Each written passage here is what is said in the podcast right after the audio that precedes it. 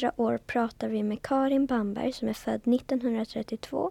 Vi har också med hennes barnbarn Fanny Thalén som är född 1991 och Niklas Wikstrand som är född 1984. Och så pratar vi barndom. Programledarna är Peter och Ester. I det förra programmet, kommer du ihåg vad vi pratade om då?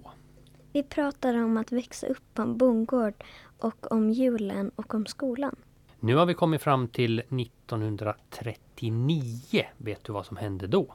Andra världskriget. Vi kollar med Karin om hon minns när kriget började. Jo, det gör jag. Därför att då gick, då gick Kerstin i skolan och, och, och då kom hon hem för då, då, då stängde de skolan. Och sen, sen men så, det, det var ju väldigt abstrakt. Man visste ju inte vad det var men det var någonting, det var någonting hotfullt och det var någonting hemskt. Och det, och det, det var, det, det var, man var rädd för bomber och flygplan. Och, och, och mörkläggningen den var ju, det, det var ju en väldigt konkret skillnad. Det var, och, och hotet var mycket närmare än, än faran egentligen, för det var ju ingen fara här alls. Men, men eh, hotet fanns där så vi, vi var ju väldigt rädda. Vad var själva mörkläggningen? Vad var det för någonting? Vet du, man täckte för fönstren. Det skulle inte få synas en springa ljus. Om man hade ljus inne så måste man se till att det inte syntes utåt. För att det var, det var meningen att flygplanen inte skulle se var det fanns något hus och, och någon bebyggelse eller någonting sånt. Men kom det någonsin något bombplan liksom över Geta som du minns? Inte över Geta. Det närmaste var väl det där i Västanträsk, tror jag. Men vi hörde ju, vi hörde ju plan då och då. Men det är ju heller Västanträsk, det är inte, det är inte jättelångt bort. Liksom. Nej, det är ju, det är ju en grannby det, så det, på det sättet så var det ju. Men det var det närmaste. Men å andra sidan där i Ytternäs där, där min mamma är född, det fick vi ju höra talas om sen att där hade det ju faktiskt fallit en bomb också. Så att det, det har jag varit och tittat på vet jag efteråt, var bomben föll. Men påverkade liksom kriget i övrigt? Jag tänker det var ju så här ransoneringar och grejer. Påverkade liksom vardagen för, för er då till exempel som ändå hade en, en gård som var ganska självförsörjande? Den var självförsörjande men så, skulle ju, så såg ju försörjningsnämnden till att man delade med sig också. Det var, det var, och det var lite hårda bud. Det var ju det där som man egentligen skulle ha velat sälja det. Så det, det, det, det skulle folkförsörjningen ha, tror jag det hette. Ja. Så att det, var, det var ju ständigt att se till att det... Men vi, har, vi led ingen nöd. Vi hade ju faktiskt mat. Det hade vi hela tiden. Både, både kött och mjölk och, och smör och sånt. Eh, så de var ganska glada de här mostrarna i stan när de kunde få lite handräckning härifrån så vi förstod att det var betydligt sämre på andra håll.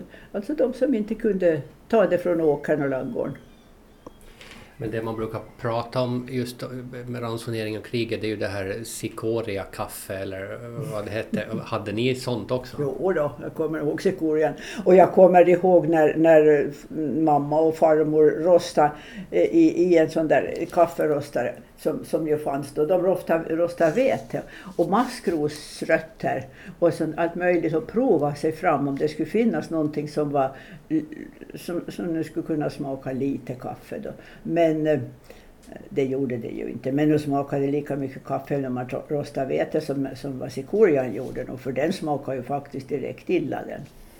Jag smakar ju på de där chikoria eh, som, som, som, som lakritsstänger, lite, som hårda lakritsstänger som man hackar en liten bit och, och, och blötte i vatten. Då. Och jag smakade på den och fy katten vad illa den smakade. Men det var ju koncentrerat förstås. Men hur var det sen när, när kriget tog slut då? Kommer du ihåg det också? Var det, var det som stor fest eller vad hände då? Inte, inte någon stor fest, det minns jag inte. Och, och, och, och, och man var ju väldigt glad och väldigt lättad. Men på något sätt så var det som man inte riktigt, riktigt vågade tro på det. Vilket ju visade sig också sen när vinterkriget bröt ut med samma efter. Så, så det, det, var farmor som var lite olyckskorp. Hon sa ja, ja flicka lilla, det, det, det, blir, det blir nog snart igen. Det, det, ska vi, vi ska inte ropa hej förrän vi är över bäcken och, och sånt där. Så att det var man kunde inte ta till sig glädjen då. Och sen var det ju likadant när, när då 45 när kriget slutade så tänkte man att ja, ja, vad vet man. Men minns du ifall det var någon, liksom, blev folk inkallade till kriget liksom, från Geta så här som du kommer ihåg?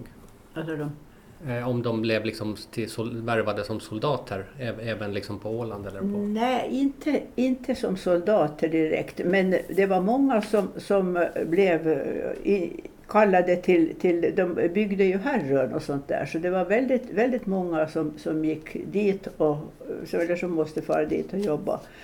Och, och, och sen, sen hästarna. De kallades ju till kriget. Och det sörjde ju pappa för, för det var ju hans, det var hans hjärta i, i fråga om, om bondlivet. Det. Så var det hästar.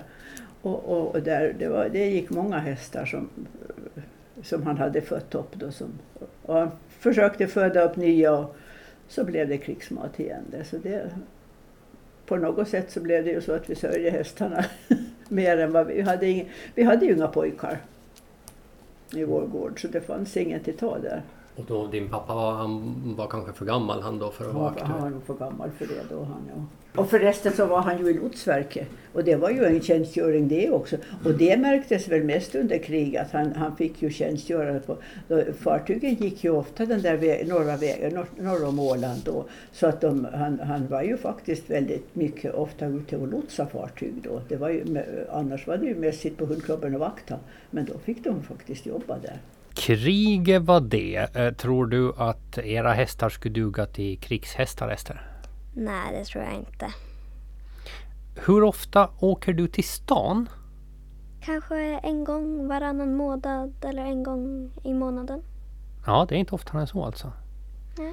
Hur ofta tror du att Karin åkte till stan då? Ingen aning. Nej, vi kollar. Första gången jag var till stan var när vi var till tandläkare från skolan. Det var det. Var, det, var det. Och, och, och, och det som man måste köpa från stan så det var skor. Och det köpte pappa åt mig. Och, och han köpte han tyckte att mina fötter, jag, jag, jag, det, det, det kan, de kan inte stämma, de kan inte vara så här stora. Så han, han köpte skor och så sa jag, men de klämmer på tårna. Nej, det kan de inte, för Kerstin är äldre än du och hon, har, hon, har, hon kan ha såna här skor så du måste kunna ha samma nummer då. Därför har jag krokiga tårar nu. För att jag fick gå faktiskt med för små skor. Fötterna växte fort och jag växte fort. Jag blev ju störst utav oss. Ja. så det var, nej, jag var inte i stan ofta. Nej, det var jag inte. Utan det var till tandläkaren. Då var de gångerna man var till stan. Hur var en sån sak som jag, jag tänker är självklart både för, för mig och för Fanny och för Niklas är ju, är ju lördagsgodis. Hur, hur har du något minne av att ni liksom åt ni något godis? Jag vet inte alls vad du pratar om. Jag har ingen aning om vad du pratar om. När, när det är godis... Nej, det var det som mamma bakade som var godis. Mamma bakade väldigt goda kakor. Hennes goda kakor, de där halvmånarna, vita halvmånarna. Oj. Men, men hon hade ju ett skåp och man visste ju var de var så det, det förekom nog att man fick lite, hitta lite godis då och då. Dessutom så hade hon en, en, en, en plåtburk. en sån där gammaldags hög karamellsburk med, med, med, som, som hon hade kokosflingor i. Och de där kokosflingorna älskar jag. Så när jag blev riktigt sugen på godis då, då, då öppnade jag locket och så nöp jag lite och så tuggade jag på kokosflingor. Det, men, men jag vet inte alls vad du pratar om när du säger lördagsgodis. Men här tänker jag Niklas, här har ju du eh, jag antar att du är ju uppvuxen med just lördagsgodis men du har ju sen barn liksom. Hur, eh, om du jämför med, med, med, liksom med Karin och sen med dig och sen med dina barn, hur skillnaden har rört sig där? Jo, den är ju milsvid. Idag är ju godis inte förknippat med lördag. Man kan köpa godis nästan vilken tid på dygnet som helst, i vilka mängder som helst. Och det är väl kanske den stora skillnaden från i, idag och då, att överflöd och tillgänglighet. Idag kan man äta godis alla dagar i veckan, vilken tid på dygnet som helst. Och mormor visste knappt vad det var. Och sen tillgängligheten. Man åker, åkte inte till stan. Man åkte in när man hade börjat skolan och skulle till tandläkaren. Idag kan man ju åka när man vill och, och vart man vill. Så, så jo, är milsvid skillnad. Man kanske måste oftare till tandläkaren också idag ändå. Det har du helt rätt i. Fanny som är knappt tio år, år äh, yngre än Niklas då. Var det, var, det, var det fortfarande strängt bara lördagsgodis när du växte upp? Jag tror mina föräldrar försökte hålla det, eh, att det var lördagsgodis som gällde. Sen så tillbringade jag väldigt mycket tid hos mormor och morfar. Och nu tänkte jag avslöja någonting och det är att mormor var väldigt bra på att ge både tisdagsgodis, onsdagsgodis och torsdagsgodis och godis när som helst. Så att hon har ju i vuxen ålder sen kompenserat för det här och infört goda godis alla dagar i veckan faktiskt. Men Fanny, det är mormors privilegium att skälla bort sina barnbarn. Föräldrarna ska uppfostra och mormor får skämma Ja, bort. men så var det också sen att när jag, när jag for till tandläkaren i stan då fick jag höra av min tandläkare att jag hade mormors hål i tänderna också. Fy på henne. Ja. Lördagsgodis Ester, det är inget som du gillar. Jo, det är ju det godaste. Kan du hålla dig till lördagarna eller blir det lite grann i veckorna också? Ja, det blir nog lite grann i veckorna också. Mm. Har du någon favoritgodis då?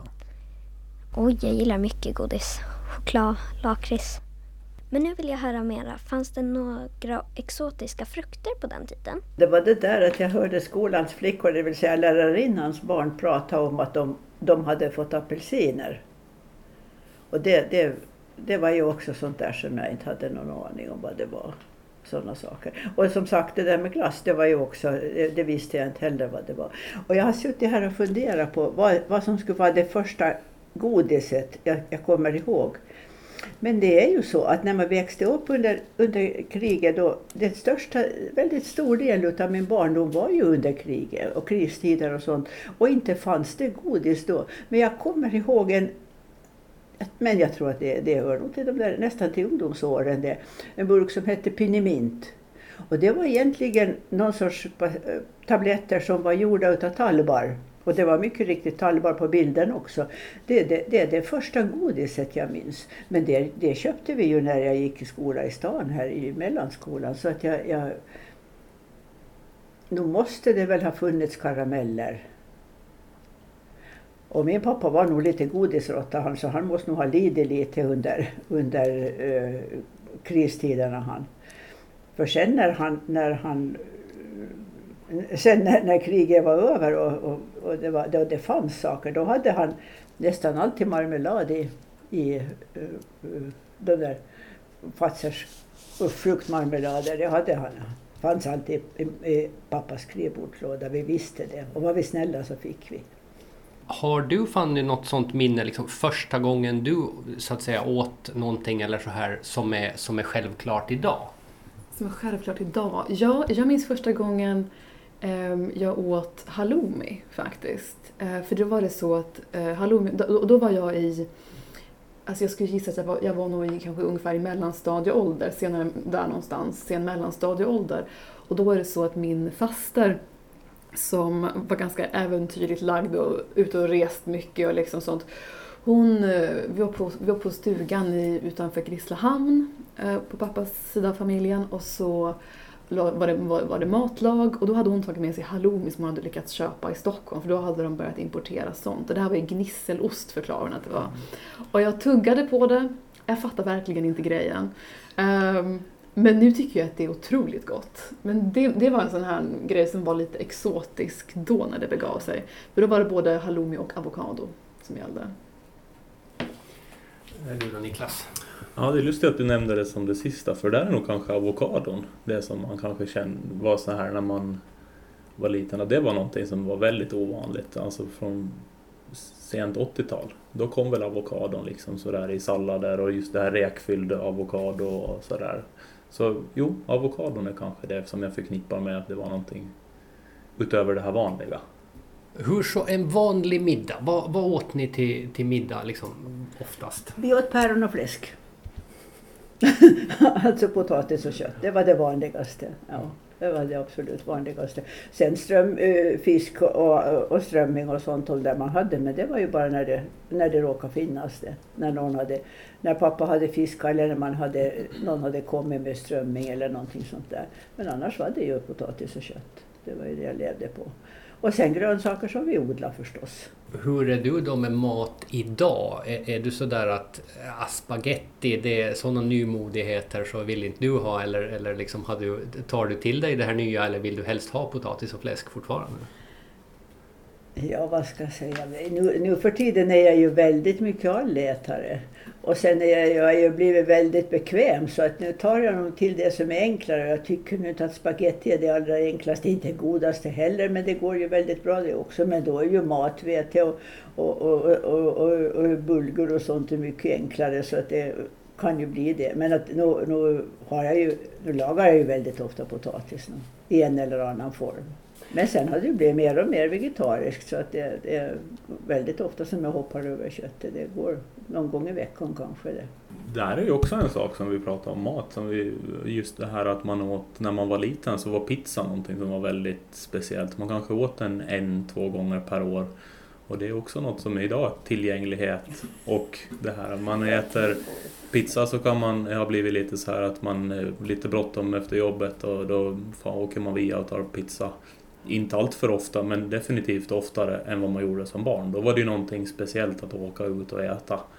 Idag många äter ju ute nästan alla dagar, åtminstone lunch. Så det är ju någonting som har ändrat på senare tid. Vi, man träffas ute för att äta tillsammans. Man träffar bekanta på lunch som man kanske inte umgås med annars. Och där mat, äta ute-kulturen är ju någonting som har ändrat massor.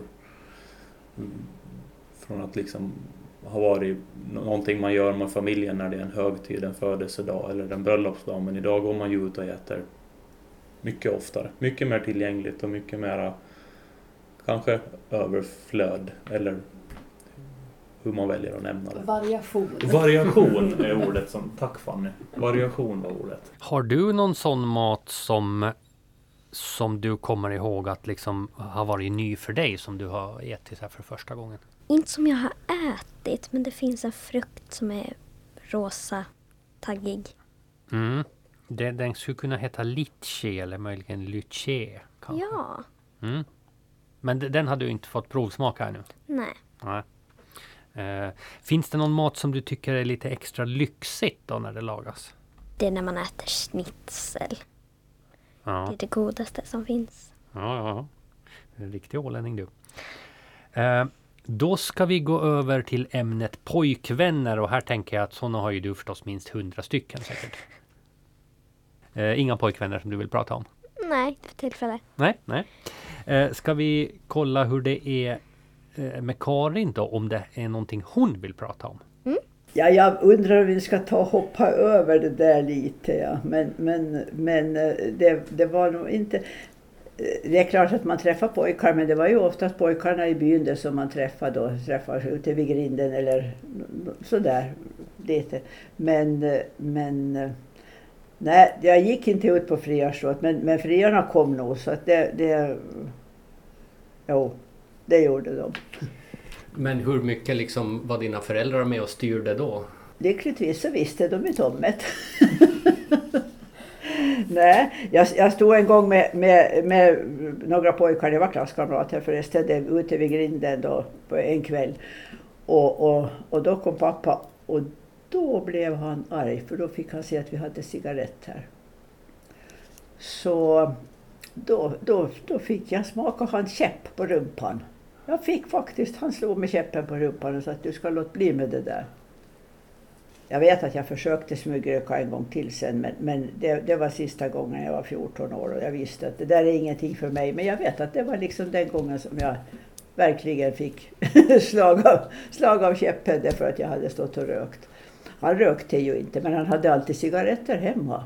Så att vi, vi hade ju möjlighet till, ja, till försöka. Men hur var det för, för så småningom då? Som jag tänker barnbarn är ju bevis på det. Så träffade du ju en, en man. Hur, hur gick det till? ja, det måste, vi måste väl gå in på, på, på, på Niklas farfar då. För att... Eller Niklas pappa. För det var, det var ju så att... Pappa, va? Nej, Niklas... Nej, Niklas... Niklas... Niklas... Christ, Nik, nej, nej, nej, Niklas morf, Morfar blir det ju. Mm, min Ja. morfar. Niklas morfar, så blir det. Alltså det är svårt det här. Jag har ju jag har bara systrar och sen har jag bara flickor själv. Så när Niklas födde trodde jag att jag blev farmor. Men det kan, jag kan inte bli farmor riktigt där. Och nu krånglar han det till, till det när jag har blivit, när jag har blivit gammal. Ja, mm. morfarmor åt hans barn så det är det svårt. Nej men det var så att han, han, han, han hade, det var, det var en, en, en bondson i Geta som hade, som hade skördetröska. Och så kom han, hade pappa ordnat att han kom och skördetröska en åker.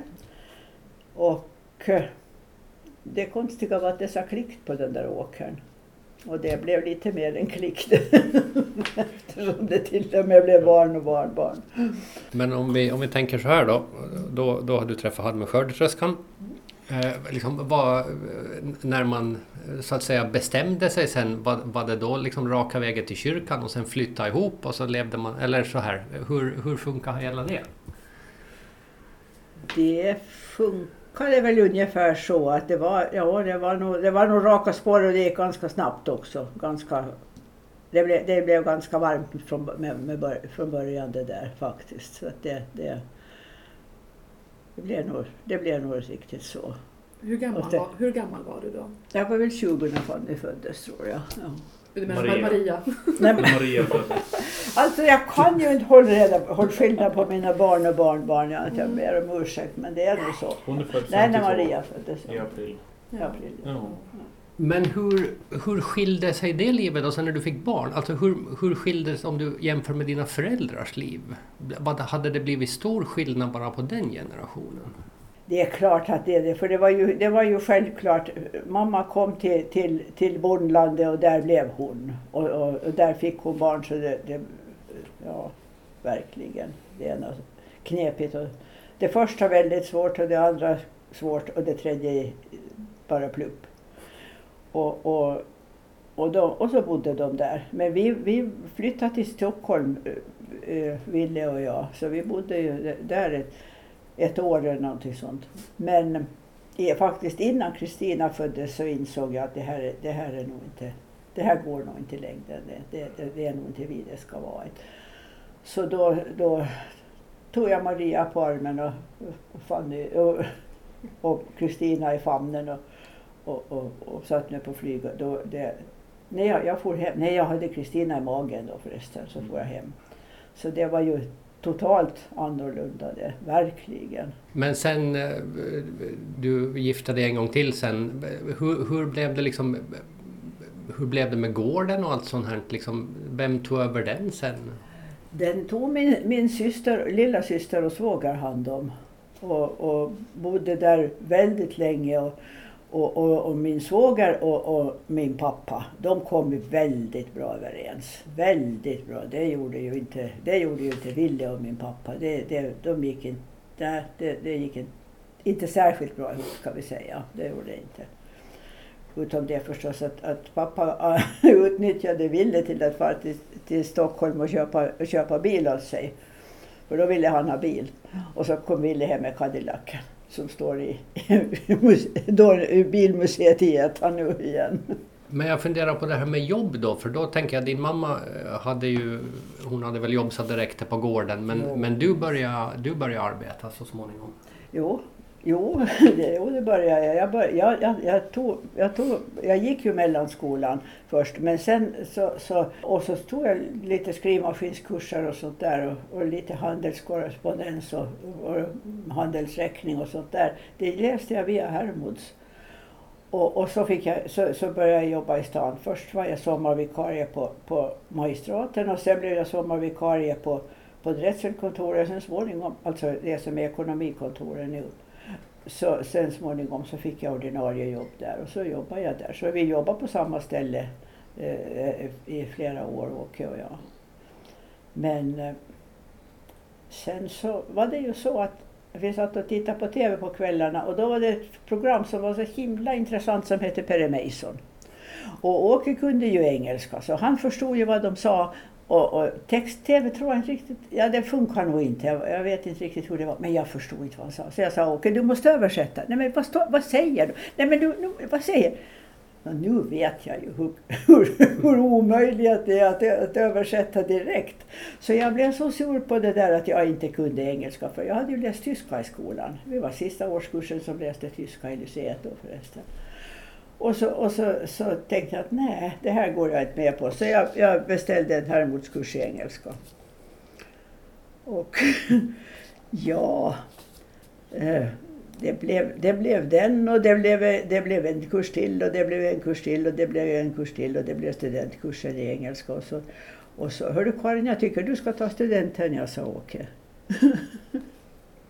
och så läste jag latin från, från brevinstitutet i Finland och så läste jag finska också från brevinstitutet i Finland och så, så tentade jag bort dem där och sen, och sen så, så gick jag på sommaruni och Äsch, det här inte, hör inte till ungdomen mera. Nu slutar vi. Det här, det här, det här, det här kan vi ta i något annat program. Nu har vi ju jobbat oss igenom då ifrån 1932 till jag vet inte var vi riktigt slutar någon gång på 50-talet. Vad, ja, kanske vi kom in på 60 rent. Eh, vad, har vi några reflektioner så här när vi har lyssnat igenom liksom, de här årtionden då som ändå är så, så långt? Vad tänker du Niklas? Det mormor är född 32 och det är ju inte liksom flera hundra år sedan tillbaks. Det är ju 89 år sedan tillbaks och det var en helt annan värld. Allting gick kanske i ett annat tempo. Det, var, det togs för givet att man hjälpte till. Som vi pratade om sysslorna, att det var inte att man bad att de skulle göra dem utan de gjorde dem. Och, och sen att det här med utbildning, att mormor utbildade sig ju när hon var vuxen. Hon blev ju studera som vuxen. Idag är det någonting man gör, man studerar tills man är 30-35 och idag, då skaffar man kanske barn när man var 20-21. Det är en stor skillnad från idag. Och att man tog... Idag tar man en utbildning för givet och det gjorde man inte då. Det var kanske få förunnat. Det var några, kanske med, lite med hjälp av min morfar, alltså av Åke, som gjorde att du utbildade dig. Du mm. hade, någon, du hade stöd hemifrån och du hade någon som pushade dig att utbilda dig nu. Så du har jobbat i många år som lärare. Ett yrke som du älskar. Så jag tycker det är en stor skillnad. Vad har du för reflektioner Fanny? Ja, nej, men alltså just mycket det som också Niklas var inne på, men om man tänker på de här då 89 åren, alltså, och just det här med utbildning, det reflekterar jag också starkt över att hur otroligt annorlunda det är, men också inte minst just som kvinna, alltså de de andra rättigheterna liksom som, som kom under de åren. Just det här att mm. också som kvinna få utbilda sig. Att det var liksom ingenting som var en självklarhet. Fastän jag menar, egentligen, men din far var ju en, alltså en, en bildad man, får man lov att säga. Var ganska progressiv, men att, det där, menar, att du skulle liksom utbilda dig på lyceet var ju ingen självklarhet ändå. För, för att du var flicka till exempel. Att alla de här stora förändringarna liksom som har skett under, under din livstid är ju gigantiska. Men tror du att du hade, att du hade en fördel då av att, att din pappa var liksom eh, lagtingsman och hade den typen av jobb snarare än att han bara var liksom bonde? Jag hade nog stor fördel utav det. Jag, eh, hade han varit bara bonde så skulle jag nog aldrig ha vågat, aldrig kommit med aldrig kommit på tanken tror jag, att tigga mig till att få börja i lyceet. För det vet jag att jag, jag tiggde faktiskt på det. Han sa nej du ska vara hemma, du ska bli bonde, du ska lära dig jobba på landet, du behöver inte, behöver du gå. Men han gav ju med sig och det, det skulle han väl inte ha gjort om han inte skulle ha varit så så pass intellektuell som han var. För han tyckte ju om både att läsa och skriva. Han satt nog på, på hundklubben och skrev bra mycket, både inlagor och, och, och allt möjligt. Han, och så, så att han, han, han visste att utbildning var viktigt så det, det, det, det gjorde nog väldigt mycket. Det. Säkert. Egentligen så hade jag nog en väldigt privilegierad barndom ja, när man tänker på ja, hur det egentligen var.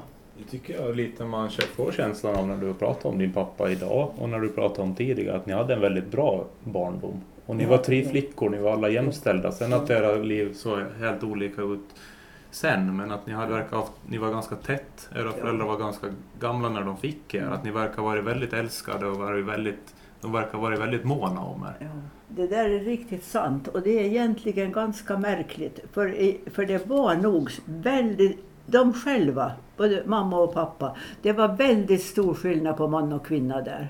Det var han som bestämde. Och det var han som, som både bestämde vad hon skulle ha på sig, vad hon skulle göra, vad hon skulle laga för mat och allting sånt. Och om det var bra eller om det inte var bra. Och hon fogar sig i det. Han var, han var väldigt bestämd, han var väldigt trygg i sig själv. Han stod, han stod där han stod och han skämdes inte för det. Och mamma var väldigt undergiven och hon gjorde så gott hon kunde ungefär. Jag menar, hon var ju en underbar människa. Hon var väldigt duktig på många sätt var faktiskt. Men inte fick hon mycket erkänsla för det. inte. Mm, ja, Ester, det har ändrats en del eller vad, vad säger du? Ja, det kan man lugnt säga. Är det något du tänker på då när, vi, när du har hört det här liksom om hur, hur eh, skillnader mellan att växa upp på 1930-talet och på ja, 00-talet som du har gjort? Ja, skillnaden är väl att kvinnor har fått mer rättigheter och de har fått göra mer och gå i skola. Mm. Så du kommer inte att behöva tjata på dina föräldrar för att få fortsätta gå i skola? Nej, det tror jag inte. Men ska vi avslutningsvis höra vad Karin tänker om dagens ungdom? Alltså typ mig. Jag älskar dagens ungdom. Alltså, jag är lite förälskad i, i dem allihopa. Faktiskt, det, det, är jag det. Och det började väl när jag fick, när jag fick de, här, de här barnbarnen som, som inte är lite kära ska jag säga. Och sen, sen har jag fått nya, nya förälskelser som är mera på avstånd men, men på väldigt, väldigt varma de också. Och det är det att jag har ju haft förmånen att vara med i, i, i kyrkan och, och träffa år, eh, konfirmander, eh, de här, dagens ungdom. Och de är ju helt enkelt härliga. Alltså det är så roligt att träffa dem. Men det var ju det också när jag jobbade som högstadielärare att jag såg ju, jag såg ju hur underbara ungdomarna var. Visserligen kunde de vara rätt jobbiga. Det ska vi inte sticka under stolen med. Emellanåt så var de nog det. Men det vet vi väl om. Men nu är de härliga nog. Och det är lustigt vilken skillnad, vilket trappsteg det kan vara mellan åttan och nian. Och jag har ju skyllt det på konfirmationen, att de har fått lära sig att man kan tänka på lite annat sätt än vad ungdomar sådär bara rakt, rakt på gör. Att det är så otroligt, att det är samma ungdomar och det är helt andra som börjar nian mot som de som gick åttan. Ja, de är underbara. Jag tror att också de bråkiga är underbara. Då är vi klara med det här avsnittet av Barn i 100 år. Och du som har varit barn i 12 år heter Ester. Och du som har varit barn i 41 år heter Peter. I nästa program ska vi prata med en tant som är 100 år och som har växt upp på en liten holme. Det tror jag både du och jag kan relatera till. Mm, det tror jag också. Tack för att du har lyssnat.